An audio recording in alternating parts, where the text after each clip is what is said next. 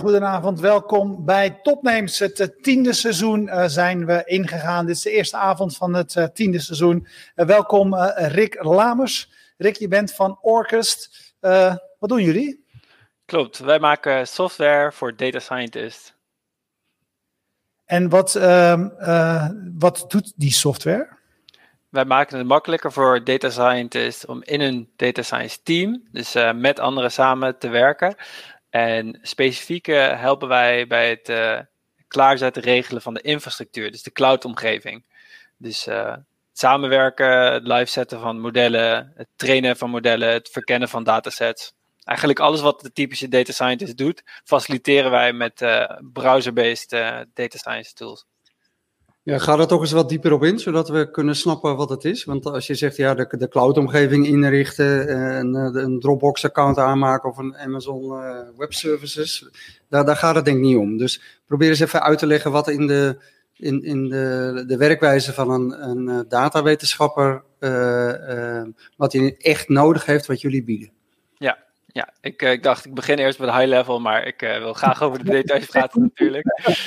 Um, wil het toch begrijpen. Ja, ja zeker. Dus um, nou, data scientists werken veel met notebooks. Notebooks zijn eigenlijk interactieve computeromgeving, computer environment. Je kunt daar uh, real-time feedback krijgen op code die je schrijft. Data scientists programmeren wel, maar zijn niet echt software engineers. Althans, dat is wat wij hebben ervaren.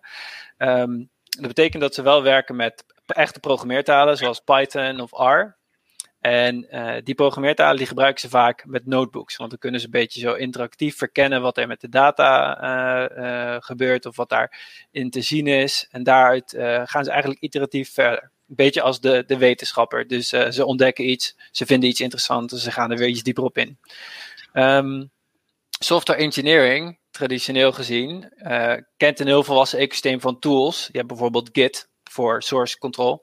En uh, daar heb je ook allerlei goede platform tools omheen. GitHub, GitLab als twee goede voorbeelden. Die hebben allerlei CI/CD processen. Dus ja, geïntegreerd van ontwikkelomgeving tot aan deployment volledig op één, één uh, streamlined uh, platform. Um, data science als discipline is een beetje nieuwer in die zin, omdat veel van de uh, nieuwe technieken die uitkomen, die hebben echt een hele enorme behoefte aan grote datasets en compute. Dus dat zijn eigenlijk de twee karakteristieke verschillen tussen software uh, en uh, code waar data scientists mee werken, is dat de behoefte voor compute en opslag, dus voor die grote datasets, enorm is. ja, maar, maar, het principe wat je zegt is eigenlijk hetzelfde. Jullie ontzorgen een bepaalde groep mensen die, uh, in dit geval de datawetenschappers, die heel veel met data en rekenkracht en dat soort dingen en modellen uh, bezig zijn.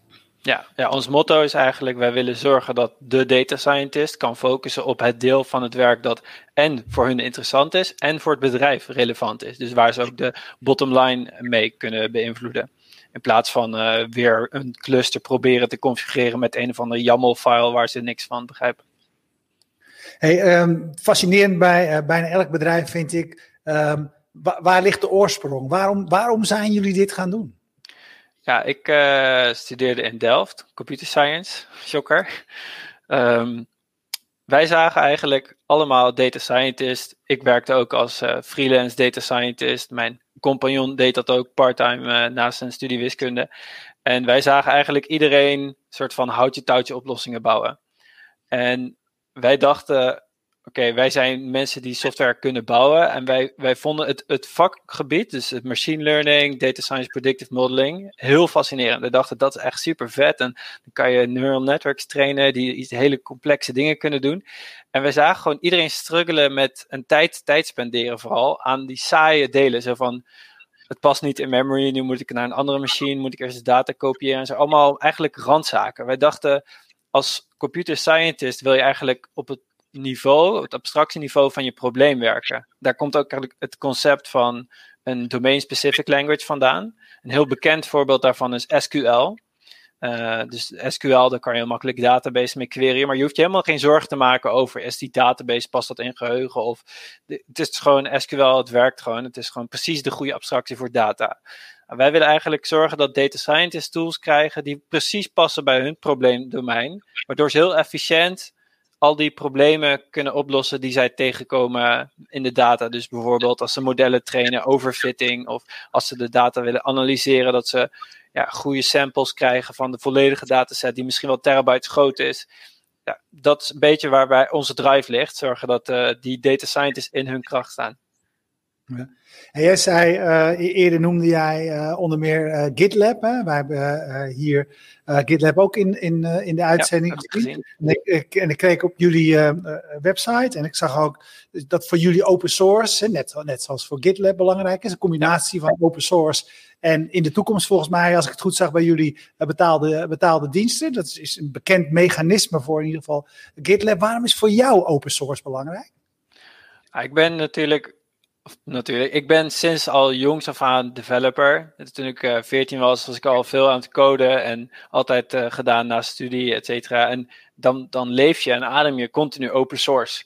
Ik bedoel, uh, Linus Torvalds, de maker van Linux, die heeft Git gemaakt en Linux. En allebei volledig open source. Nou, dat is gewoon zo waardevol. Dat, ik denk dat heel weinig mensen dat waarderen hoeveel dat toevoegt aan de maatschappij. De, halve economie is inmiddels gebaseerd op digitale producten en alles draait op Linux. Dus open source is gewoon een enorme krachtige, uh, krachtige manier van software bouwen.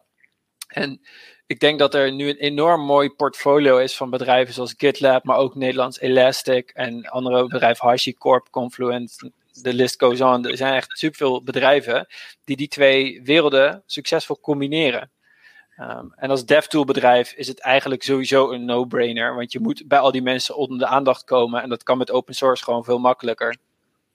Ja, ja ik, betrap me de, ik betrapte me er wel een beetje op, uh, uh, Rick, toen ik uh, jullie verhaal las. dat ik dacht, vooral omdat wij Sietse van, van GitLab hier aan tafel, of virtueel aan tafel hebben gehad. En uitgebreid hebben gepraat over open source en over een remote bedrijf en een distributed team. Dat ik dacht van, goh, je, volgens mij ben je enorm geïnspireerd door hun. Weet je, dat ja, zeker. Sterker nog, ik heb een video op YouTube. Fantastisch. En uh, laten wij dit gaan doen voor de datawetenschap, wat zij doen voor de coders. Klopt dat? Deels is het zeg maar directe inspiratie, maar het is, het is denk ik zij zijn één van de vele partijen die dit model pionieren. En dat begon niet met GitLab, maar zij zijn wel een hele goede embodiment daarvan. Uh, Dus zij zijn een van de inspiratiebronnen. Maar ik heb met Sietse gesproken, een half uurtje, ook, op, ook een YouTube livestream. Uh, toen ik in San Francisco zat in december 2019. Of nee, uh, november. en daar hebben we het ook gehad over het open source model. Dus zeker dat hij met GitLab en zijn idee over open source ons inspiratie heeft gegeven. Ja.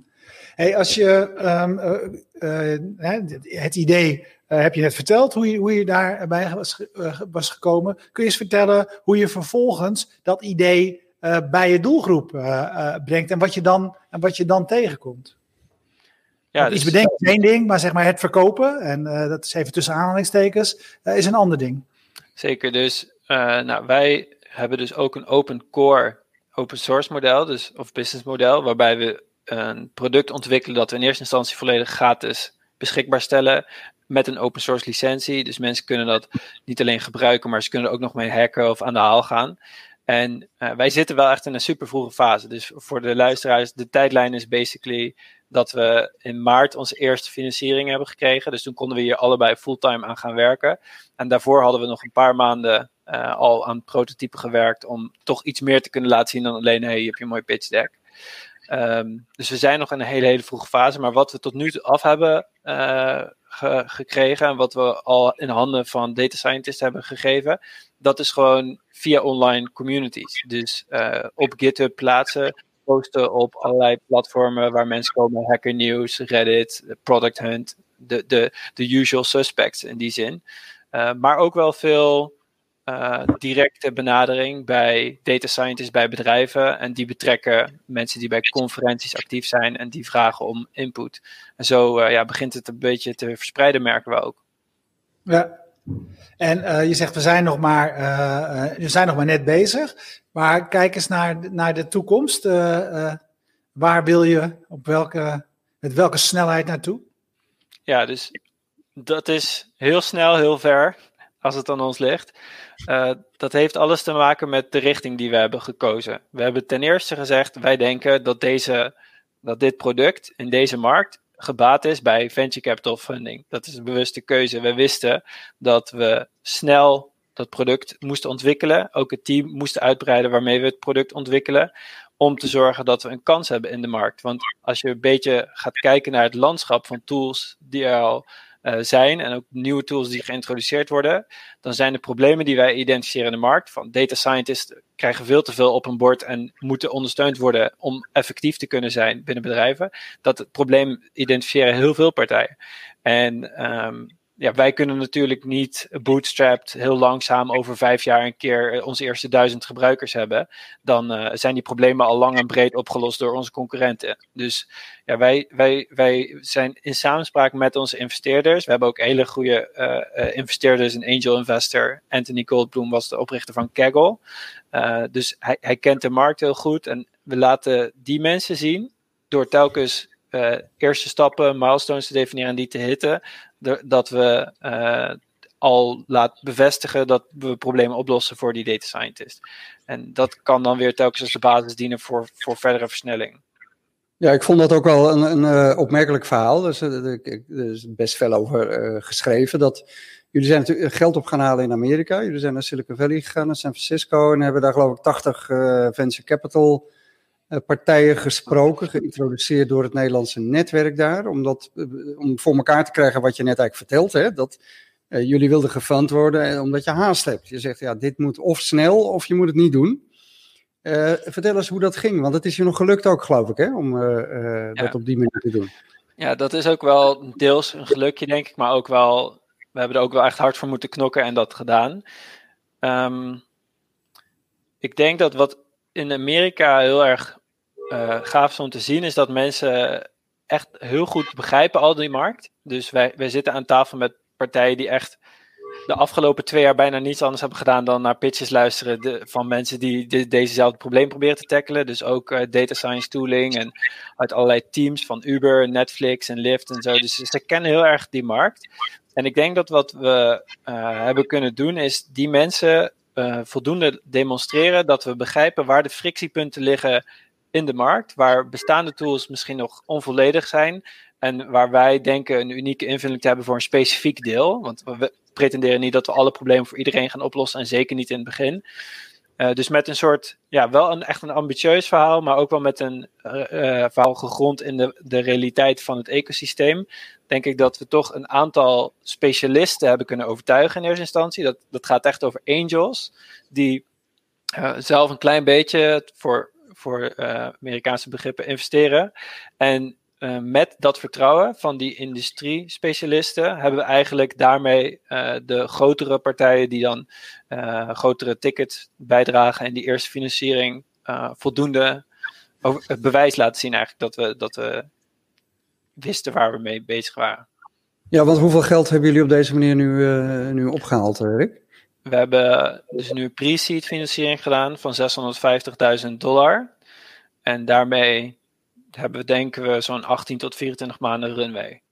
Ja, en, maar, maar uh, uh, in alle eerlijkheid, met, met op een heel goed idee en een prototype en de eerste, nou laat ik zeggen, een beginnetje van een, uh, een, een waar je heen wil, hè? toch? Ja, ja. De, ik denk dat het, wat nog wel belangrijk is om te noemen, is wel één saillant detail in dit verhaal, denk ik.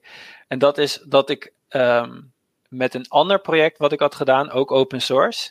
Het heet Grid Studio. Dat is een ander project. En iets waar ik niet commercieel mee verder wilde. Maar dat was in de zomer van 2019 een soort viral gegaan. Ik had een blogpost geschreven. How I built a spreadsheet uh, program for the browser that integrates with Python. Dat was de strekking. Dus Google Sheets met Python in de browser op GitHub, open source. En dat was uh, toen een van de snelst groeiende projecten op GitHub geworden. En toen kreeg ik out of the blue mailtjes van Andreessen Horowitz, Redpoint Ventures, Amplify, allerlei VC's. Uh, die zeggen, wie ben jij en wat ga je met dat project doen? En uh, ik dacht, uh, hoe weet ze überhaupt dat dit project bestaat? Maar blijkbaar trekken ze al die GitHub repositories op hun star account. Weet ja. ik nu dat dat helemaal een ding is in de BR, maar wist ik toen niet. Um, En toen dacht ik van, oh shit, dit is wel vet. Want ik wil eigenlijk Orkest beginnen. Maar met dit project heb ik nu een aandacht. En toen ben ik een maand naar Amerika geweest. Dat was in september 2019. En toen heb ik uitgelegd van ik ben bezig met iets anders dan Grid Studio. Maar zie je, ik heb al een open source project dat uh, redelijk wat tractie heeft gekregen. Maar ik ben met iets veel beters bezig, denk ik. En dat was denk ik voor veel investeerders samen met het verhaal, samen met het vertrouwen van zo'n Anthony Goldbloom. En een prototype en een, en een pitch deck met een verhaal. voldoende. Uh, na heel veel meetings en heel veel nee. De stelling dat ze natuurlijk uh, in mensen investeren nog meer dan in ideeën, want je had natuurlijk al wat laten zien. dit soort investeerders vragen natuurlijk ook altijd naar de, de potentie hè, van, van je idee. En daar stelt Johan Schaap ook een vraag over. Even kijken. Die zegt: hoeveel data scientists zijn er eigenlijk wereldwijd? Dus wat is je, nou, je potentiële groep? volgens ons pitch deck 1 tot 2 miljoen. En dat uh, is gebaseerd op uh, een analyse van KD Nugget. Dat is een industry website. Daar verzamelen al heel lang professionals op het gebied van predictive modeling. Voor, eigenlijk voor deep learning. Dat was eigenlijk al eerder met gradient boost trees en andere methoden.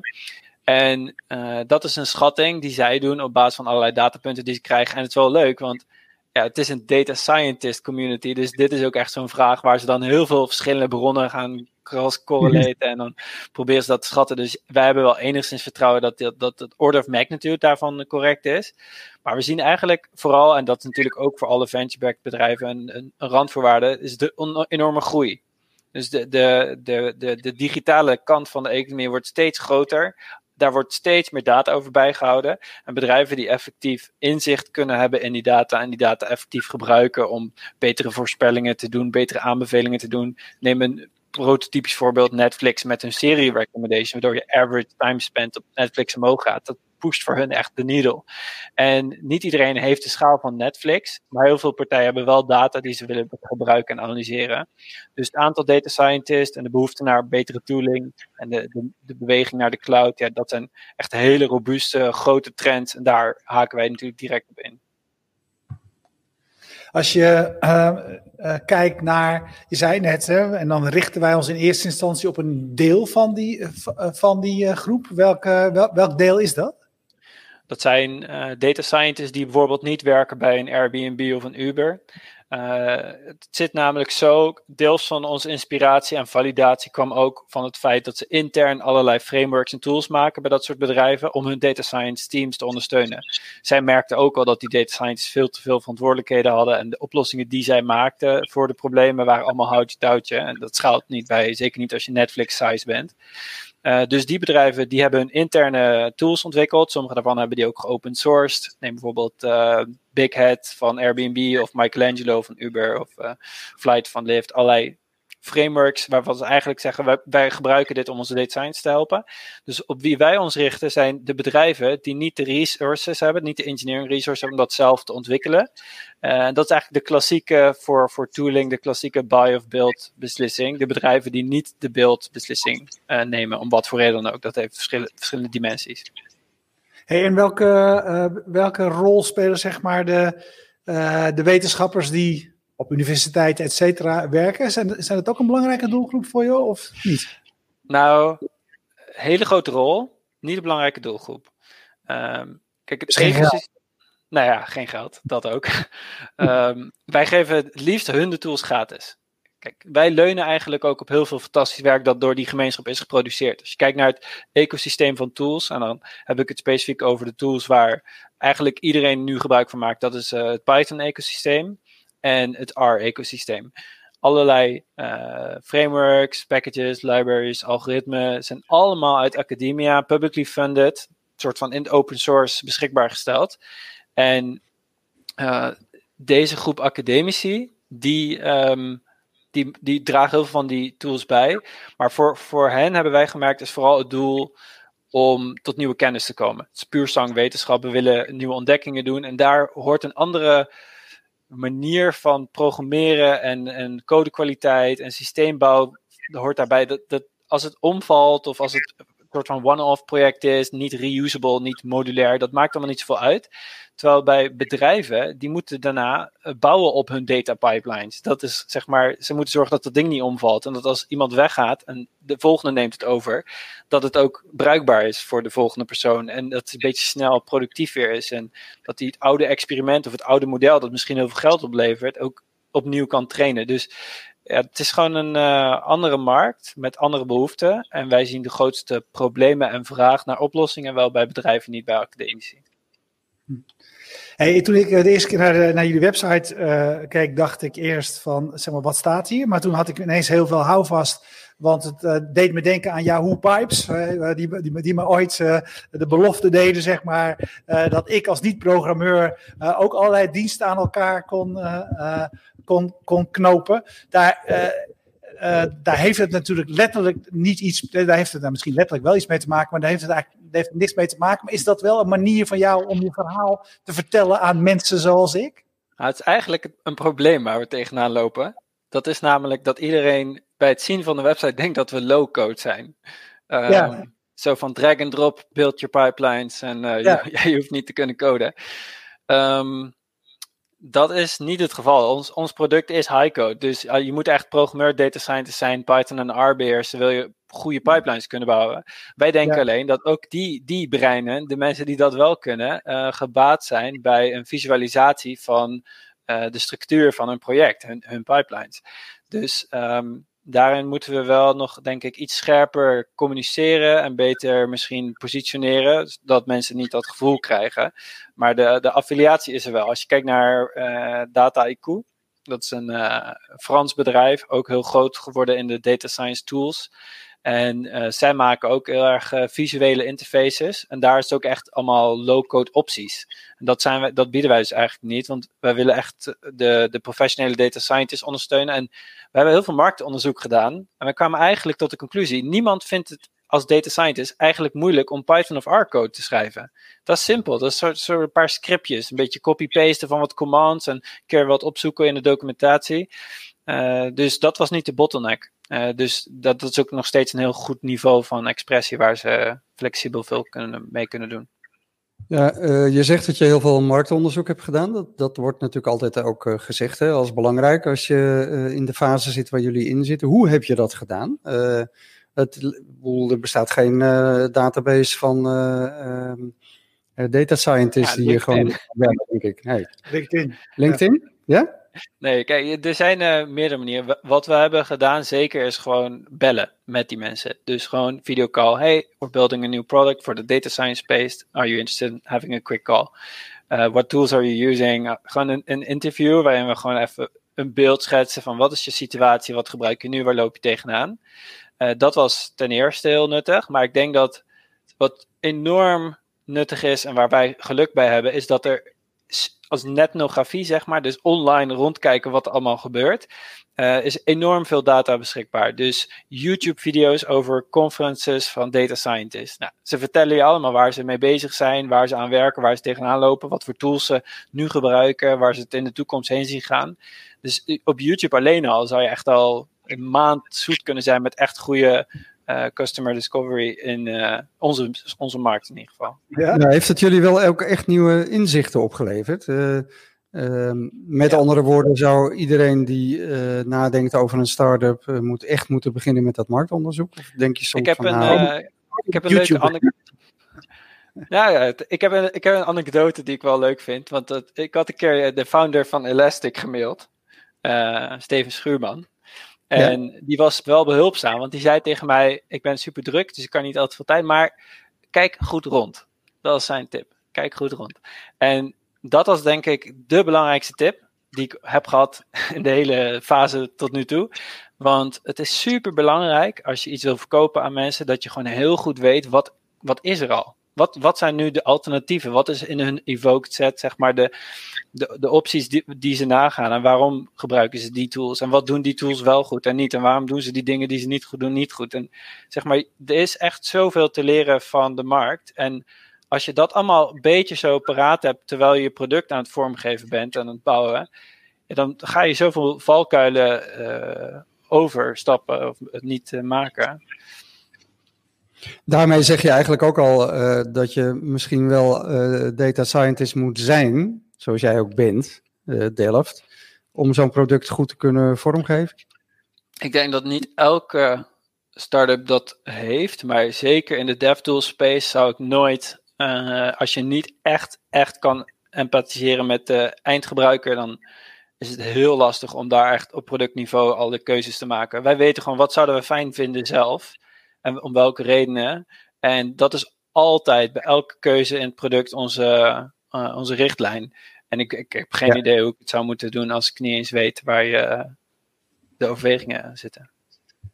En kun je nog, kun je, ik, ik ben uh, ook nog steeds gefascineerd, vind het sowieso een fascinerend verhaal, maar ben ook wel gefascineerd door dat, wat jij vertelde, dat je dat rondje bent gaan maken in Amerika. Uh, langs, uh, langs die mensen. Uh, ik weet niet wat jij hiervoor allemaal gedaan hebt, het lijkt mij toch, toch spannend. Hè? Als, en als Andreessen en Horowitz, als je je mailtje stuurt, et cetera. voor wie dat niet weet, maar dat zijn echt grote mensen in, in, de, in, de, in de techwereld, in de investeringswereld. Ehm, hoe, eerst, hoe heb je je voorbereid? Heb je, ben je hier thuis gaan oefenen met mensen van, is dit verhaal goed, snap je het nu? Want, want je moet daar in een paar minuten eigenlijk overtuigend zijn. Ja, dus ik heb me wel voorbereid. Ik heb niet uh, fake, fake pitches gedaan met uh, mensen om me heen. Ik heb wel veel, veel gepraat hoor, met allerlei mensen. Um, ik heb een boek gelezen van Ben Horowitz. Um, nu weet ik even de titel van het boek niet. Heel bekend boek van Ben Horowitz. die heb ik gelezen in het vliegtuig. En ja, ik, ik, ik ben me eigenlijk al stiekem een jaar of vijf aan het voorbereiden om een start-up te beginnen. Ik heb ook Strategic Entrepreneurship gestudeerd op de Rotterdam School of Management. En ik uh, bij Startup Bootcamp gewerkt in 2013.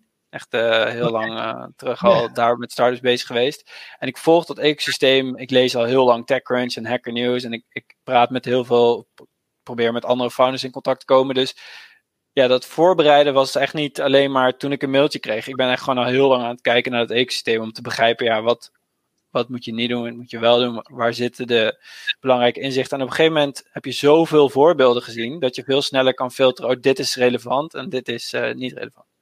Ja. En uh, wat, uh, je, dus je zegt, ik volg dit al lange tijd, ik heb naar gekeken, wat moet je wel doen, wat moet je niet doen. Uh, goed, je, zit, je bent het nu in de praktijk aan het, aan het uitvoeren. Wat, wat heb jij zelf weer geleerd in, in deze eerste fase van je bedrijf? Een hoop. dat Toch iedereen. Als, ja, ja. Ja, ik denk dat je kan zoveel. Ja, dat was op een gegeven moment ook de reden waarom ik toen besloot te beginnen. Want ik vond eigenlijk een studie aan de TDL heel leuk en uh, ik wilde eigenlijk niet stoppen. Um, maar ik merkte ook wel dat je kan zoveel van de zijlijn leren over ja, boeken kennen, boeksmart en uh, allemaal voorbeelden en zo.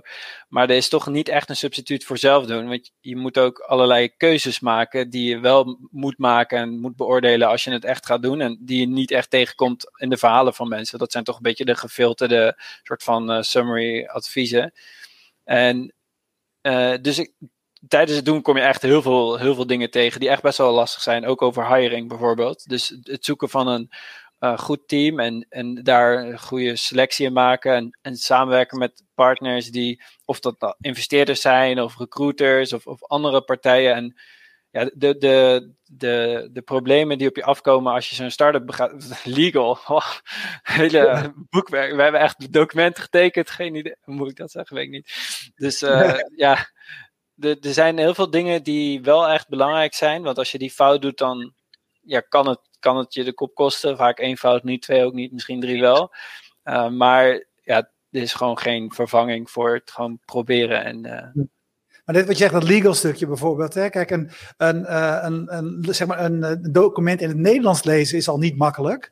Maar als je hem dan inderdaad in het Engels moet gaan lezen. Dus ik, eh, de keer dat ik dat heb, heb gedaan, na tien keer lezen denk je van een zin, denk je soms nog, wat staat hier? Nee, zeker. Kijk, daar is denk ik ook gewoon een groot deel dat wij vertrouwen op iemand. We hebben een introductie gekregen bij een hele goede law firm. En we hebben gewoon heel veel over die persoon opgezocht. Dus die, die, die man heet Jokum van WSGR. En hij publiceert al sinds 11 jaar uh, over start-up funding en terms. En, en wij dachten gewoon, ja, kijk, wij kunnen niet de tijd nemen om first principles, al die juridische, juridische documenten helemaal te doorgronden en daarin een eigen afweging te doen. Dus we gaan daar leunen op specialisten. Nou, hoe destilleer je een, een, een betrouwbare, goede specialist? En dan vinden wij track record toch een hele belangrijke indicator. En dan krijg je via iemand een introductie en dan gaat dat, uh, gaat dat goed. Dus ja, niet alles zelf proberen te doen ook. Ja, en in, je, uh, een van, in het begin van uh, dit gesprek zei je dat jullie ambitie eigenlijk is om een helemaal distributed bedrijf te worden. En voor wie dat, dat begrip niet kent, dat betekent dat je eigenlijk geen kantoren hebt en wereldwijd mensen voor je hebt werken die in hun eigen omgeving voor jou werken.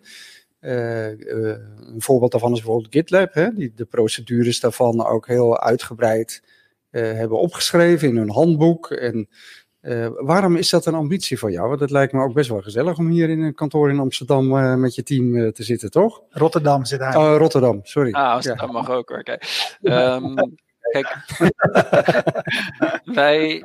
Um, wij zitten in een heel complexe markt als het gaat, als het gaat puur over de, echt de, de core technologieën waar we mee te maken hebben. Wij zitten diep in de Linux kernel te kijken waar kunnen we optimizen voor transfers. Of, we hebben continu te maken met zeg maar, de technologie waar wij op bouwen beweegt continu eigenlijk onder ons uit, omdat het zo snel uh, ontwikkelt. Dus we hebben echt een bepaald type uh, engineer, software engineer nodig, ja, waar er gewoon weinig van zijn. En de mensen die er zijn, die zo goed zijn, uh, die zijn ook enorm in trek. Dus die krijgen hele hoge salarissen, die kunnen eigenlijk gewoon zelf kiezen wat ze maar willen. En ja, simpelweg, als wij, willen, als wij de tool willen maken voor data scientists die zeg maar in die, in die categorie de beste is, dan hebben wij ook toegang nodig tot die beste mensen. Het is onrealistisch om te verwachten dat zij uh, verhuizen naar Nederland om hier met ons aan ons start-up te komen werken. Dus het is eigenlijk een, primair gedreven door uh, talent. En daarbij denk ik dat we geloven dat als softwarebedrijf, puur tooling, kun je ook een effectiever uh, bedrijf hebben dan als je allemaal in een kantoor zit. Omdat de processen die noodzakelijk worden door remote, en dit, dit legt uh, van GitLab heel goed uit, die zijn enorm uh, waardevol als het gaat om opschalen van een bedrijf. En ja, als je ja, wat, wat, werkt, wat ik ja. wel fascinerend in vond, uh, want zo had ik het eigenlijk nog nooit gezien. En waarschijnlijk bedoel jij dat ook. Bijvoorbeeld, een van de principes van remote werken is dat je alles vastlegt. 100%. Ja, ja en, dus, dus alles asynchroon alles asynchroon, alles uh, gedetailleerd uh, vastleggen volgens procedures. En dat is natuurlijk in de markt waarin jij zit ook ongelooflijk. Uh, ja, dat snap ik dat dat belangrijk is. Ja, en, en ik denk dat ook de realisatie van wanneer is zo'n engineer, want we zullen een heel groot percentage engineers hebben. Ik hoorde Kit uh, Sietse zeggen dat ze 50% engineers hebben. Wanneer zijn die het meest productief? En ik denk dat heel veel mensen hebben gewoon tijdblokken nodig, dat merk ik bij mezelf en bij mijn medeoprichter, om in de flow te komen. En dat gaat niet altijd beter in een kantooromgeving. Dus ik denk dat volledig remote is zeker niet voor elk bedrijf. Maar voor bedrijven die primair software ontwikkelen, is het, ja, is het een super goede match. Ja. Hey, de tijd vliegt. De tijd vliegt, het uh, half uur is alweer voorbij. Ja, 33 minuten zie ik op de teller staan. Ja, ja. ja, nee, hartstikke, hartstikke leuk. Maar dat nee, doen we dus niet. De, de slotvraag. De slotvraag? Als we je over een jaar terug laten komen, waar sta je ja, dan? Waar sta je dan, ja. Over een jaar uh, gegroeid. Uh, hebben we een grote engineering team. Hebben we belangrijke klanten voor ons live op het product. En um, ja, groeien we als kool. nou, mooi man. Dat mooi. Ja. Dan uh, spreken we elkaar tegen die tijd uh, weer, Rick. Ontzettend bedankt en veel succes. En ik ben een beetje in het ritme aan het komen steken. Dat is de tweede uitzending. Zou ik nu wel al de sponsors onthouden? Ja, ik weet het niet. Je nee, kunt ga, het, je ga ik nu proberen. proberen. Anders moet je me helpen. Anders moet je helpen. ik, help je. Ik help je ja. We bedanken sowieso de loods van waaruit wij uitzenden in uh, Durgedam. Um, we bedanken, uh, dat zijn eigenlijk op dit moment, uh, hadden we het net eventjes over, het zijn misschien niet partijen waar we per se nu wat aan hebben. De beach van Bier Co zijn er even niet, maar ze hebben ons wel altijd gesteund. En als we weer een keertje in onze andere locatie zitten, komen die ook vast weer langs. Uh, Jetstream uit Groningen voor de livestream. Uh, Freedom Lab, waarop we, waarin we dan uh, vast en zeker weer, uh, weer zitten en de uitzending verzorgen. Allemaal in die toekomstige tijden. Post-corona-tijd. Post-corona-tijd, die komt weer, jongens, die komt weer. En PQR voor de hosting van de website. Wij zijn er iedere dinsdagavond weer het komend seizoen. Dus kijk je nu tot dan en kijk je on demand. Dan weet je dat je die afgelopen tien jaar. En zeker ook die eh, uitzending, twee uitzendingen met Sietse van eh, GitLab is moet terugkijken. Want die passen mooi in het verhaal van Rick. Rick, bedankt. Dag.